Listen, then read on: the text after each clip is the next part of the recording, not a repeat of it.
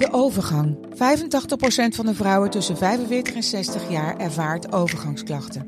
Klachten die kunnen leiden tot een verkeerde diagnose of langdurige arbeidsongeschiktheid. Wat kun je doen als je overgangsklachten ervaart? Hoe maak je dit bespreekbaar op je werk? En als jouw medewerker bij jou komt, wat kun je als werkgever dan doen? Sector Instituut Transport en Logistiek heeft een kennisplatform ontwikkeld waar jij terecht kunt voor tips en adviezen.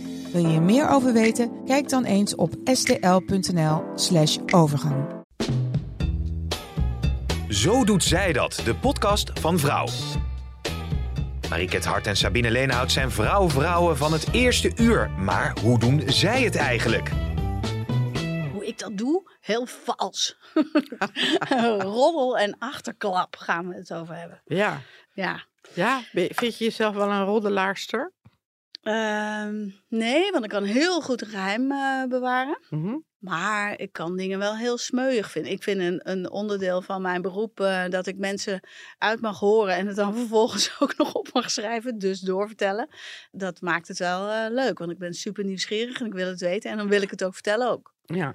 Wat ik daar wel lastig aan vind, want eh, ik heb ook al eh, heel veel eh, mensen geïnterviewd die dan helemaal leeglopen. Ja. Nou, met lezeressen, die moet je altijd een beetje tegen zichzelf in bescherming nemen, vind ik. Mhm. Want dan denk ik, je kinderen lezen het ook en je schoonmoeder en je collega's. En misschien moet je Ja. een beetje oppassen.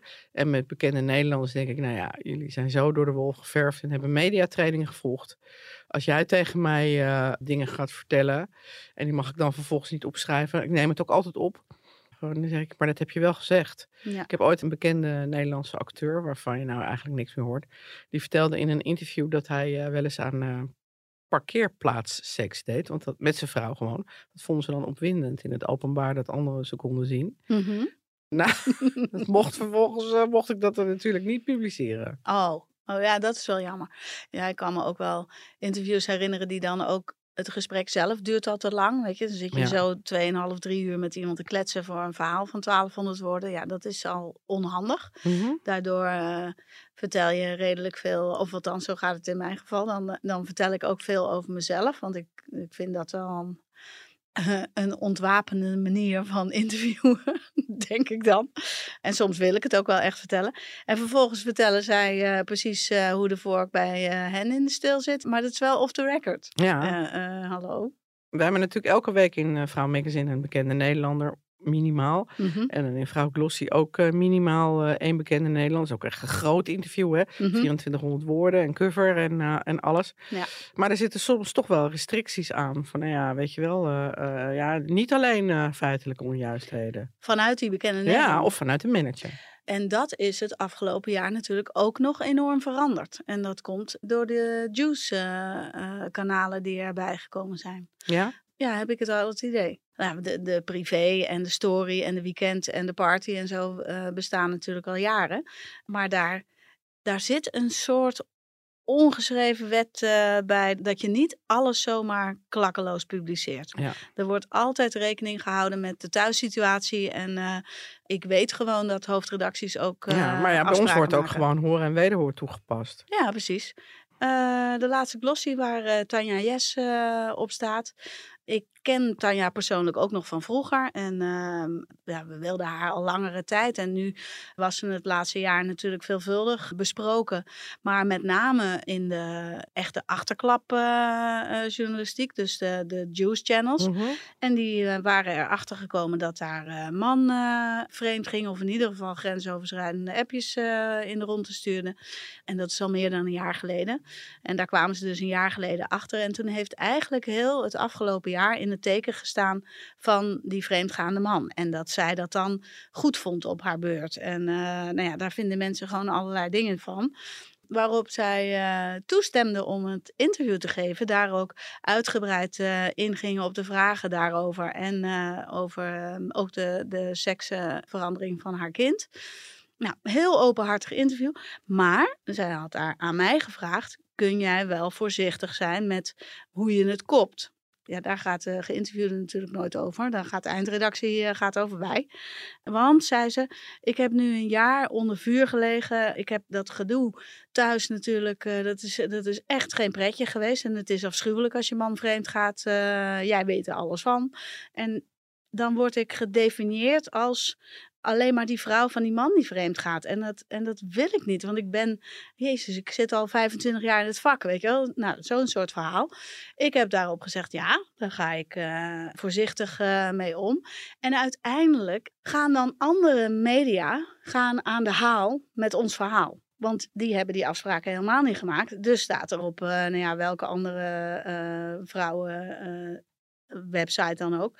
Wordt dus wel gekopt of met heel expliciet over die seksenwissel van haar kind of expliciet over dat vreemdgaan. En dat is voor ons natuurlijk niet zo fijn dat dat gebeurt met mm -hmm. ons verhaal. En ik vond het een dilemma. Ik vond het moeilijk. En dat is veranderd door die juice-kanalen. Doordat dat dan dag in, dag uit over de, alle social media gaat.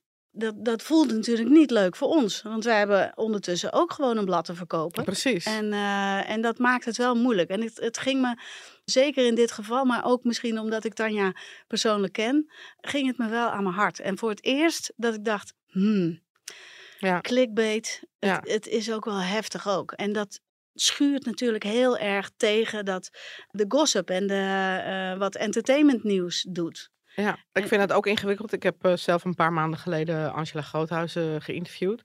Waarin ze toen uitgebreid vertelde dat ze drie minnaars had. Mm -hmm. En een heleboel andere dingen, maar ook gewoon uh, hoe dat zat. Ja. En uh, ja, vervolgens was het ook zo. Dat stond ze bijvoorbeeld inderdaad op de rode loper bij een film met haar man notabene. En iedereen vroeg van, en hoe het met die drie minnaars? Ja, ja. En aan de andere kant weet je ook dat mensen daarop klikken. Mensen willen dat weten. Ja. Dus het schuurt enorm met elkaar. Met onze gast kunnen we daar zo meteen ook wel naar vragen.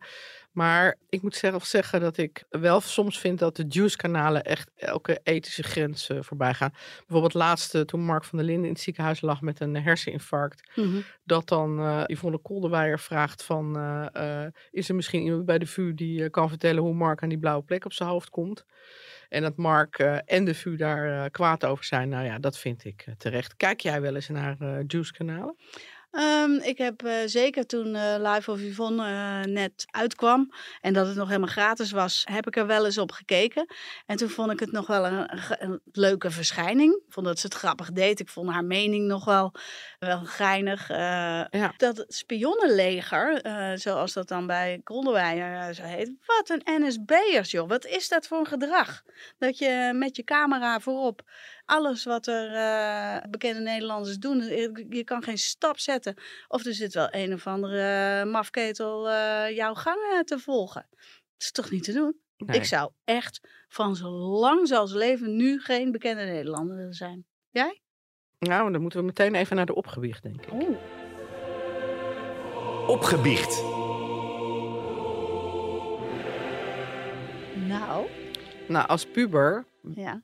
Als je dan vroeg van nou, wat wil je laten worden? Dan zei ik nou, ik wil wel een bekende Nederlander worden. Hmm. Het grappige is, toen waren bekende Nederlanders nog helemaal niet zo wat ze nu zijn. En ja, natuurlijk ook nog geen social media. Maar desalniettemin leek me dat uh, ontzettend interessant om een bekende Nederlander te worden. Nou, nou toen uh, ging ik natuurlijk zelf de journalistiek in. Nou, mocht ik op jonge leeftijd uh, bekende Nederlanders uh, interviewen. De eerste die ik interviewde was uh, voor de FIFA was Huub Stapel. Mm. Dan was ik zwaar van onder de indruk. En Ja. we zaten, hoe heet het, bij de Keizer, bij het concertgebouw. En hij kende ook iedereen. En eh, hoe heet het, eh, um, ik voelde me heel erg opgelaten. En dat ik echt dacht, oh, als ik maar de goede vraag stel. Ik was heel zenuwachtig, hij was heel aardig.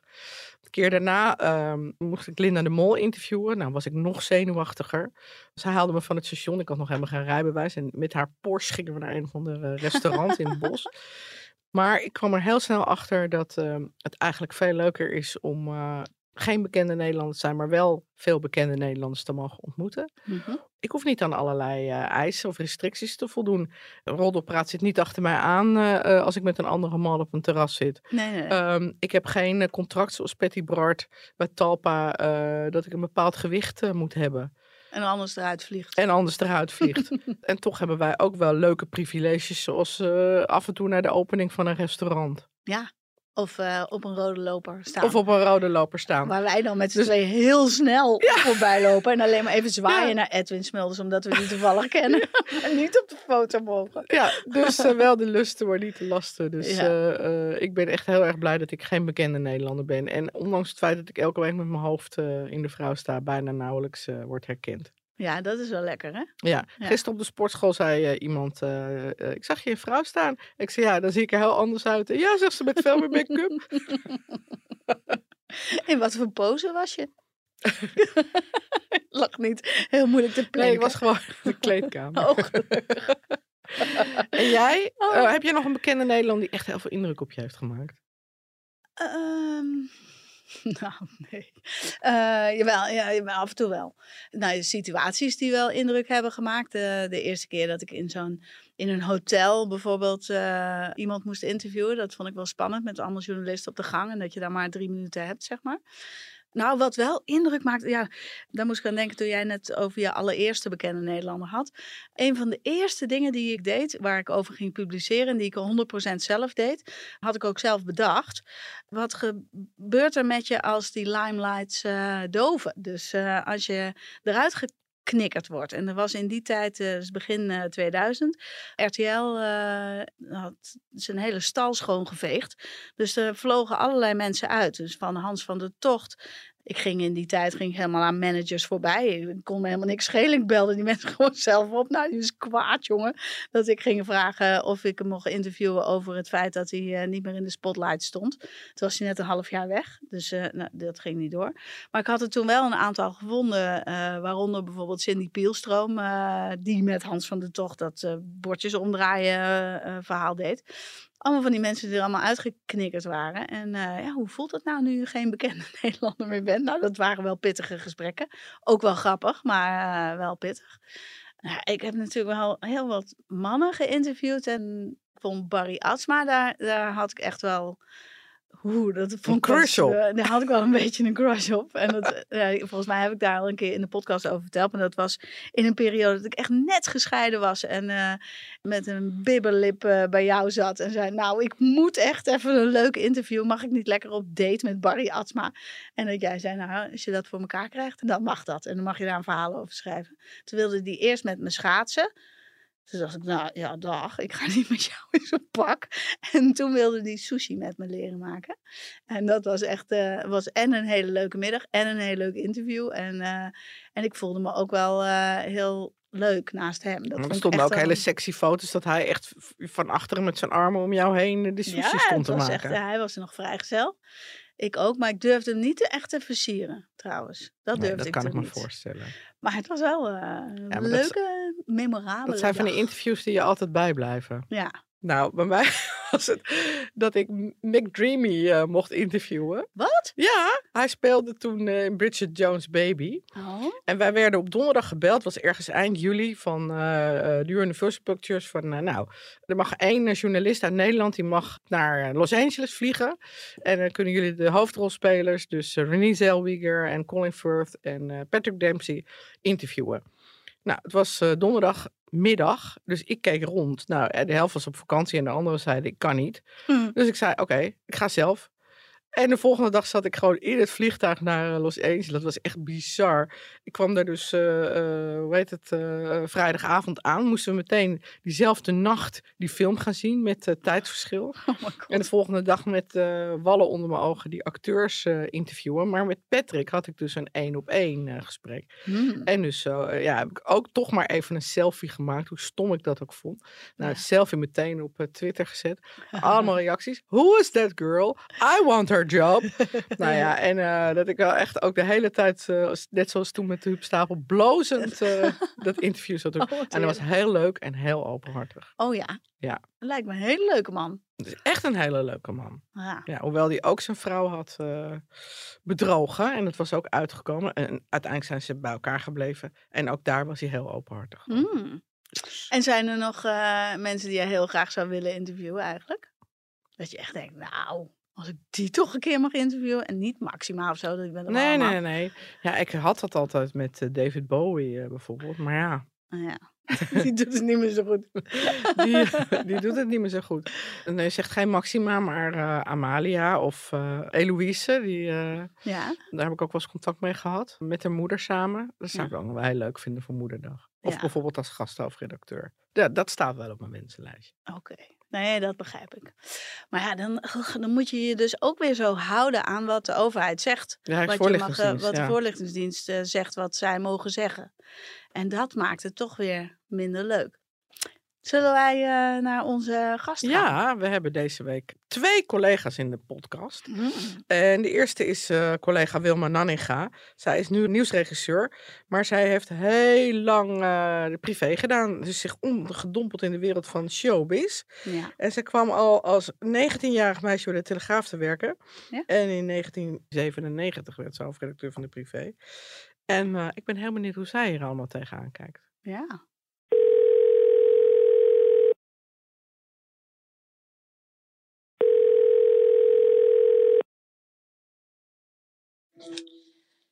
Hey, Wilma.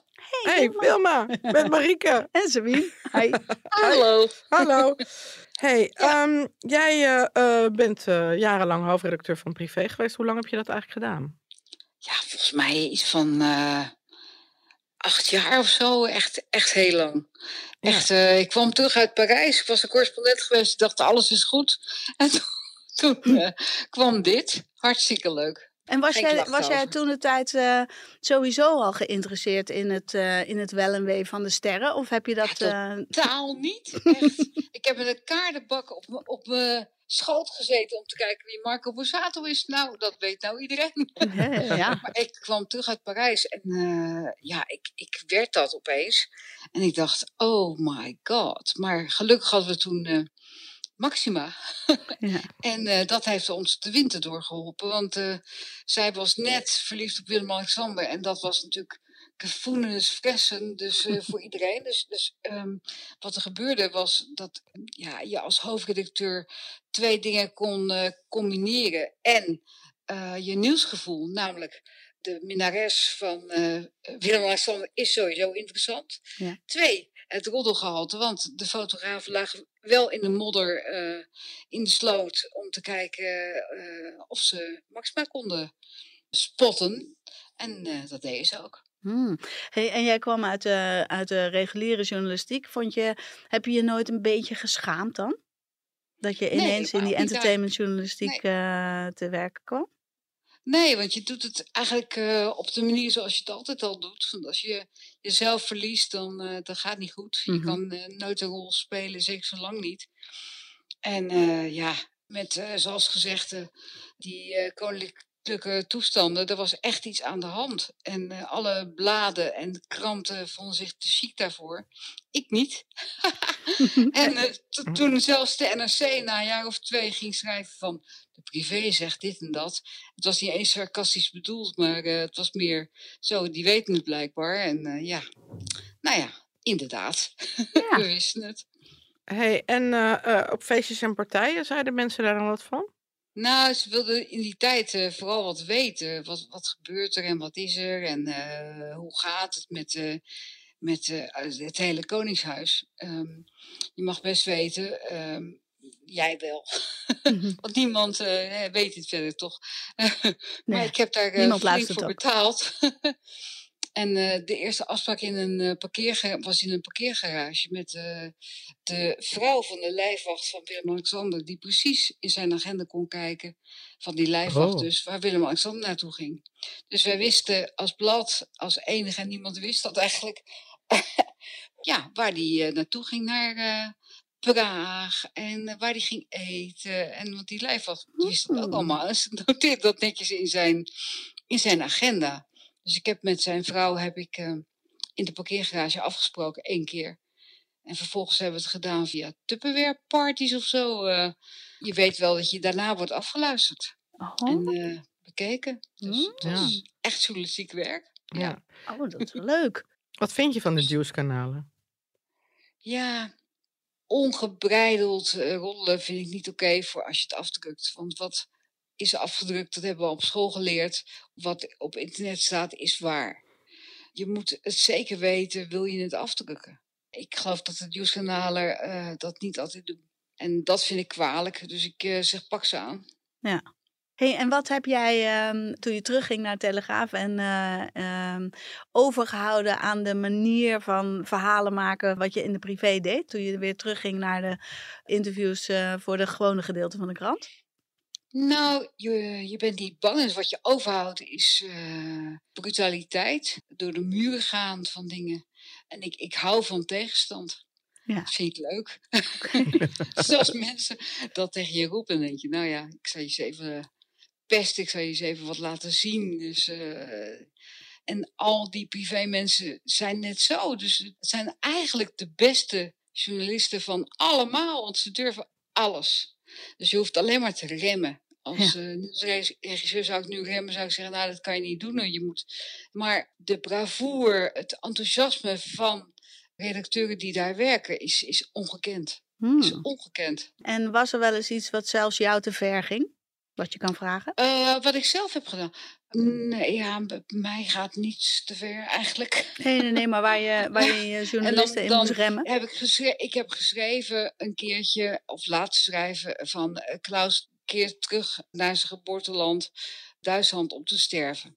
Hmm. Dat ging te ver. Vond de rechter ook. Daar heb je je niet mee te bemoeien. En als je dat niet, uh, ja, ik had het van diezelfde bron als de Willem-Alexander bron. En dat was mhm. een goede bron gebleken. Dus ik, uh, maar dat heb ik moeten rectificeren. En achteraf denk ik van dat, ja, dat was toch wel terecht. Dat ging te ver.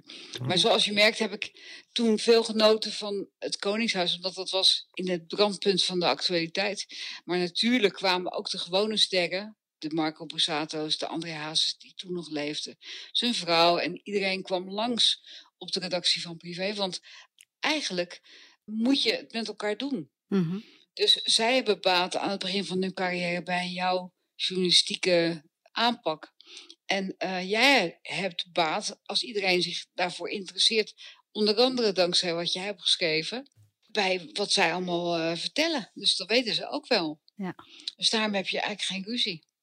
En denk je dat dat nu een beetje aan het veranderen is. Nu, nu uh, veel BN'ers uh, bijvoorbeeld een, een hele grote groep volgers hebben in hun eigen mini-uitgeversomgeving, zoals uh, Instagram of TikTok. Of, uh... Ja, maar dat is zo wat de mensen ervan zeggen. Hè? Weet je, dat is wat ze zelf doen en zelf kwijt willen. En dat is natuurlijk altijd gepolijst. Mm -hmm.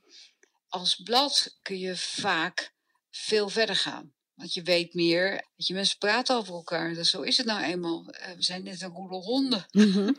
dus je, je, staat bij de koffieautomaat en je praat over elkaar. Dat doen gewone mensen en dat doen sterren ook. Ja. En het is aan jou als blad om te zeggen, nou, ik wil die relatie goed hebben of goed houden. Ik publiceer wat ik weet of uh, zeg er zelf iets, iets over. Dus je hebt een hele erg intense relatie met de sterren. En juist dat zie je ook aan alles wat Evert nu doet en schrijft en zegt. Maar je hebt ook de objectiviteit van iemand die er echt buiten staat. Dus je hebt niks. Je verdient er geen geld aan of zo. Of uh, weet je, die sterren betalen niet uh, aan jou om uh, alleen maar zoete broodjes te schrijven. Ons uitgangspunt is altijd, was altijd van in goede en slechte tijden. Dus mm. altijd. hey, um, nou, ik ben er in ieder geval weer een stuk wijzer van geworden. Ik ook. Dankjewel. Dankjewel. En uh, tot morgen. Leuk meiden, tot morgen. Oh, doei. Dankjewel. Ja, wel interessant hè? Ja, hè? Ik weet niet of ik hoofdredacteur van de, van de privé zou kunnen zijn. Nee, maar jij bent er misschien toch wel een beetje dan te lief voor. Ben te lief, hè? Dat je denkt van, oh ja, maar dat is dan echt oh, wel heel lullig. Dat is dan toch wel heel zielig. We hebben een gezamenlijke vriend uh, die vroeger altijd voor de privé schreef. En uh, regelmatig uh, ben ik daarmee gaan stappen. En dan zei hij tegen mij, ja Sabine, jij schrijft wel mooie interviews, maar je moet gewoon harder poeren hoor. Je mag echt wel wrijven waar het zeer doet. En dan uh, voelde ik me, oh, ik voelde me dan zo ongemakkelijk als ik, ik moest vandaag weer iemand, een bekende vrouw interviewen, die erg gelovig is. En er zit alleen maar lievigheid tegenover me. In mijn hoofd spelen vragen waarvan ik denk, nou, maar die durf ik gewoon niet te stellen. Ja, maar ja, dan, dan maak je wel een goede journalist om ze wel te stellen. Ja, maar dat is meer wat ik vind. Wat ik over het geloof uh, persoonlijk vind. Ja, dat heeft gewoon niet zoveel zin.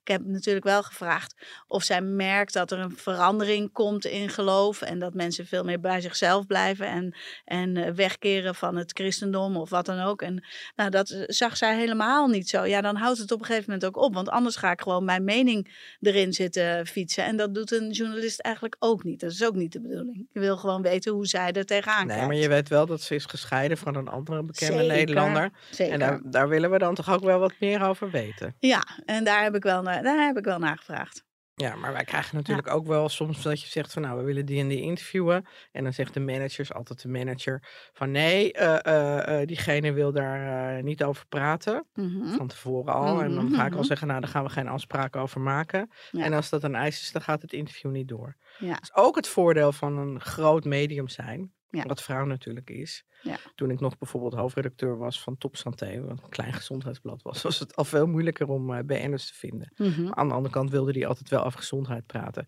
Maar over die managers, hè. Ja. Ik was met eh, Koningsnacht was ik eh, met een paar vriendinnen in een kroeg. En toen liep ik daar Douwe Bob tegen het lijf. Nou, dat was allemaal net die periode dat, dat die kinderen van hem, al die drie die kinderen werden geboren. ja. Dus eh Douwe die eh, begon eh, een praatje. Of ik begon een praatje, weet niet meer, maar wij stonden gewoon naast elkaar in de bar. En nou, hij was heel gezellig. Dus ik zeg, nou uh, Douwe, nu je toch zou staan, ik werk bij vrouw en ik wil jou dolgraag in het vaderdagnummer. En dat je dan met al die baby's op de foto en dat je gaat vertellen. En uh, nou, zegt Douwe, vind ik hartstikke leuk. Moet je even mijn manager bellen en dit is het telefoonnummer. Dus uh, ik krijg zijn telefoonnummer, dus ik bel uh, twee dagen later, dus na Koningsdag, bel ik die uh, manager.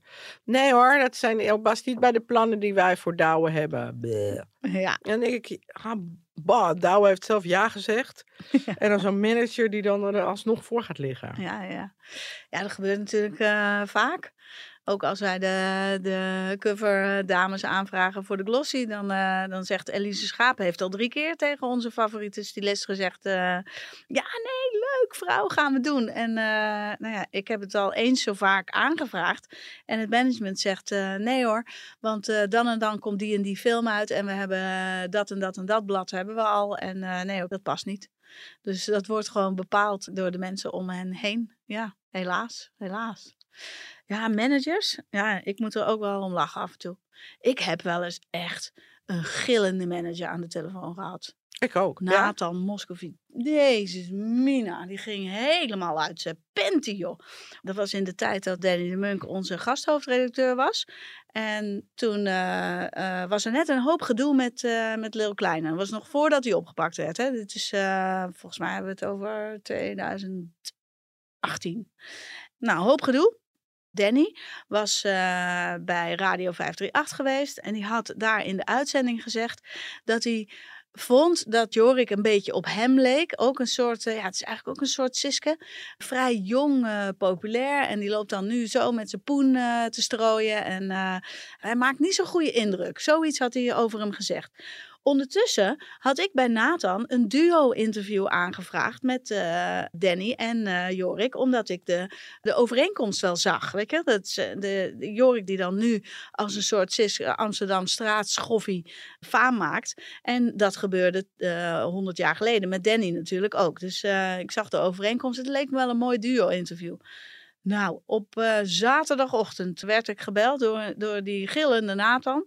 Hoe ik en Danny het überhaupt in ons hoofd haalden om dat interview aan te vragen. Want hij uh, sprak schande over hem op de radio. Blablabla.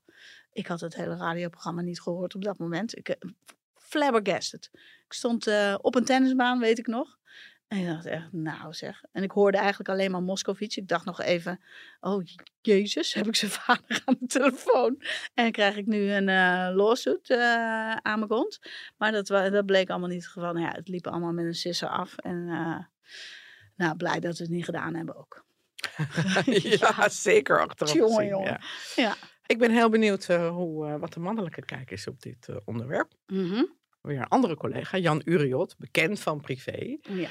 Die heeft wat voor ons ingesproken. Ik ben heel benieuwd naar zijn audiobericht. Zo doet hij dat. Hoe wordt en blijf je bekend? Ten eerste moet je natuurlijk goed in je vakgebied zijn. Belangrijk is vervolgens dat je je kan onderscheiden van de rest. Hoeveel navolgingen heeft René Vroger wel niet? Tientallen jongens zingen immers in dezelfde toonsoort en met dezelfde snik. Dat schiet dus niet op. Daarbij kan een grote persoonlijkheid ook geen kwaad en moet je je zwakheden nooit verbergen, maar juist tonen. Maar ja, als een van je zwakheden een kort lontje is en je dus er niet van terugschrikt om met een knokploeg naar een supermarkt te gaan, of dat je met je tengels niet van anderen kan afblijven, dan kan je je zwakheden misschien beter maar thuis laten. Bekend blijven? Tja, daar is geen A4'tje voor met de juiste handleiding, omdat voor iedereen een ander spoorboekje geldt. Kijk naar de socials. Terwijl de een applaus wil voor elke culturele drol en dus alles plaatst op Twitter, Facebook en Insta, moet de ander juist daarvan wegblijven en juist niets delen. Ja, ja. oh, hij had ehm, in de wandelgangen alle keer tegen mij gezegd dat hij eh, hier in de podcaststudio was geweest om dit in te spreken. Leuk. Leuk bericht. Ja, maar, Maar ehm, Ik vind niet dat iedere bekende Nederlander iets kan hoor. Daar ben ik het helemaal niet mee eens. Er zijn mensen bekend, nou ja, dat ik, types van eh, Ja, nee. Sex on the Beach of Ja, maar eh, dat, dat zie je dus steeds meer. Dat, dat mensen dus mee gaan doen aan datingprogramma's om gewoon ja, bekendheid te krijgen. Dus influencer te zijn. Ja. En meer Instagram-volgers te krijgen. eh, nou ja, te, vra- gevraagd weer te worden voor andere reality tv-programma's. En dat vind ik wel een beetje jammer van die eh, reality tv-programma's. Want eh, ik hou best wel van eh, reality tv. Dus niet, niet van alles, maar, maar wel eh, van een aantal dingen. ja. En dat je, dan, dat je dan dus gewoon ziet dat die mensen gewoon puur meedoen voor de fame. En niet om bijvoorbeeld een, een leuke partner te vinden. Nee. Ik kijk nu bijvoorbeeld eh, met mijn dochter kijk ik naar het programma Au Pair Vips. Dat is op de NPO. Ja. En eh, nou, dat is een heel leuk format. Daarbij gaan dus jongeren au pair in het buitenland. ja, die heb ik, En die ik worden de eerste serie Ja. gezien. Nou, ja. er zitten dus nu ook influencers bij. De Au Pair Vips, dat is met vier influencers. Ja. En je ziet gewoon dat die jongeren gewend zijn aan camera's. Dus die zijn dan bijvoorbeeld in het au pair gezin. Je hebt gewoon zoiets van, volgens mij vind je het vreselijk, maar die doen de hele tijd heel leuk met die kinderen, omdat ze weten dat ze in beeld zijn. Ja, en dat is dus ook wat Wilma net ook zei met die social media. Je ziet ze dan eigenlijk voortdurend op hun best Mhm, en op hun mooist. mhm. En eh, ja, dat ge- geeft een vertekend beeld. Dus Ja, daar heeft en- Jan wel een beetje gelijk in. Het zo doet zij dat. Taboe. Jij houdt van eh, Ex on the Beach of eh, Dinner with my ex of weet ik veel. Dat soort, eh, waar Bob, mijn dochter ook naar kijkt. Maar ehm, ik hou heel erg van de Housewives of Beverly Hills. Of, nou, en nu is de Housewives of Amsterdam. Ik vind het dus heel grappig dat ik dus vier van deze vrouwen gewoon al ken. Omdat ik ze een keer geïnterviewd heb. Of, ik vind het dus heerlijk om dat helemaal te analyseren. Dus ik ga dat zitten kijken en dan denk ik... Hm? Wat zeg jij nou? Dat heb ik jou eh, nog nooit eh, in het echt horen zeggen. Of, eh, nou, dat ga ik dus helemaal uitlopen zoeken. Maar ik ga dit dus niet, daarom is het een taboe. Ik ga dit verder dus niet aan Maarten vertellen dat ik dit kijk. En ik ga er ook niet heel erg openlijk zomaar random voor uitkomen. Nou, dat heb je nu net gedaan. Ja, maar dit, is gewoon, dit zijn gewoon al onze vrouw-vrouwen. En eh, die mogen dat wel weten. Dat gaat verder niet in de krant. Maar dat vind ik überhaupt het nadeel van dit soort dingen kijken waar je man bij is. Ja, Ik eh, keek gisteravond naar een kerstfilm. ja. Nou, dan begint hij gewoon na tien minuten. Krijgen ze elkaar? Nou, ze krijgen elkaar. Waarom moet je hem nog verder kijken? Je weet toch dat ze elkaar krijgen? Mm. Ja. Mm. Mm. Nou, Ja. ik keek dus naar een echte kerstfilm die heet Love Heart. Oké. Uit het lijstje kerstfilms op vrouw.nl. Oh, leuk. Dus als je ook een kerstfilm wil kijken, moet je zeker eh, even dat lijstje Even dat lijstje gaan bekijken. En dat staat gewoon op vrouw.nl. Ja, maar zonder man. Want eh, tenzij, sommige mannen houden ervan, maar eh, als je man er niet van houdt, dan Zou jij een man willen die van kerstfilms houdt? ja, weet ik eigenlijk niet. Misschien niet zo mannelijk. ik heb van de week, van de week eh, gingen we even ergens wat drinken. eh, eh, zaterdagochtend en er was een vriendin van mij bij. En Maarten was daar ook bij. En toen ging die vriendin later naar me appen. Een man die eh, een haverlatte bestelt, doe even normaal. ik moest echt heel erg om lachen. Ah, eh, nou goed, dat terzijde. Mijn vroegere hoofdredacteur, Rob van Vuren, die vond zelfs dat mannen geen thee konden bestellen. Dat vond hij al niet mannelijk. Oh ja. Ja. Heeft hij dat boek niet geschreven over mannen eten geen soesjes? Of Oh, dat zou best kunnen, ja. Dat weet ik eigenlijk niet. Nou goed, we dwalen af, dus We volgens mij gaan we er een eind aan breien. Ja. Heel erg bedankt voor het luisteren. Tot de volgende keer. En eh, vergeet niet eh, op ons te stemmen in je favoriete podcast-app. En niet over ons roddelen, hè? Nee, dat mag niet. doei doei!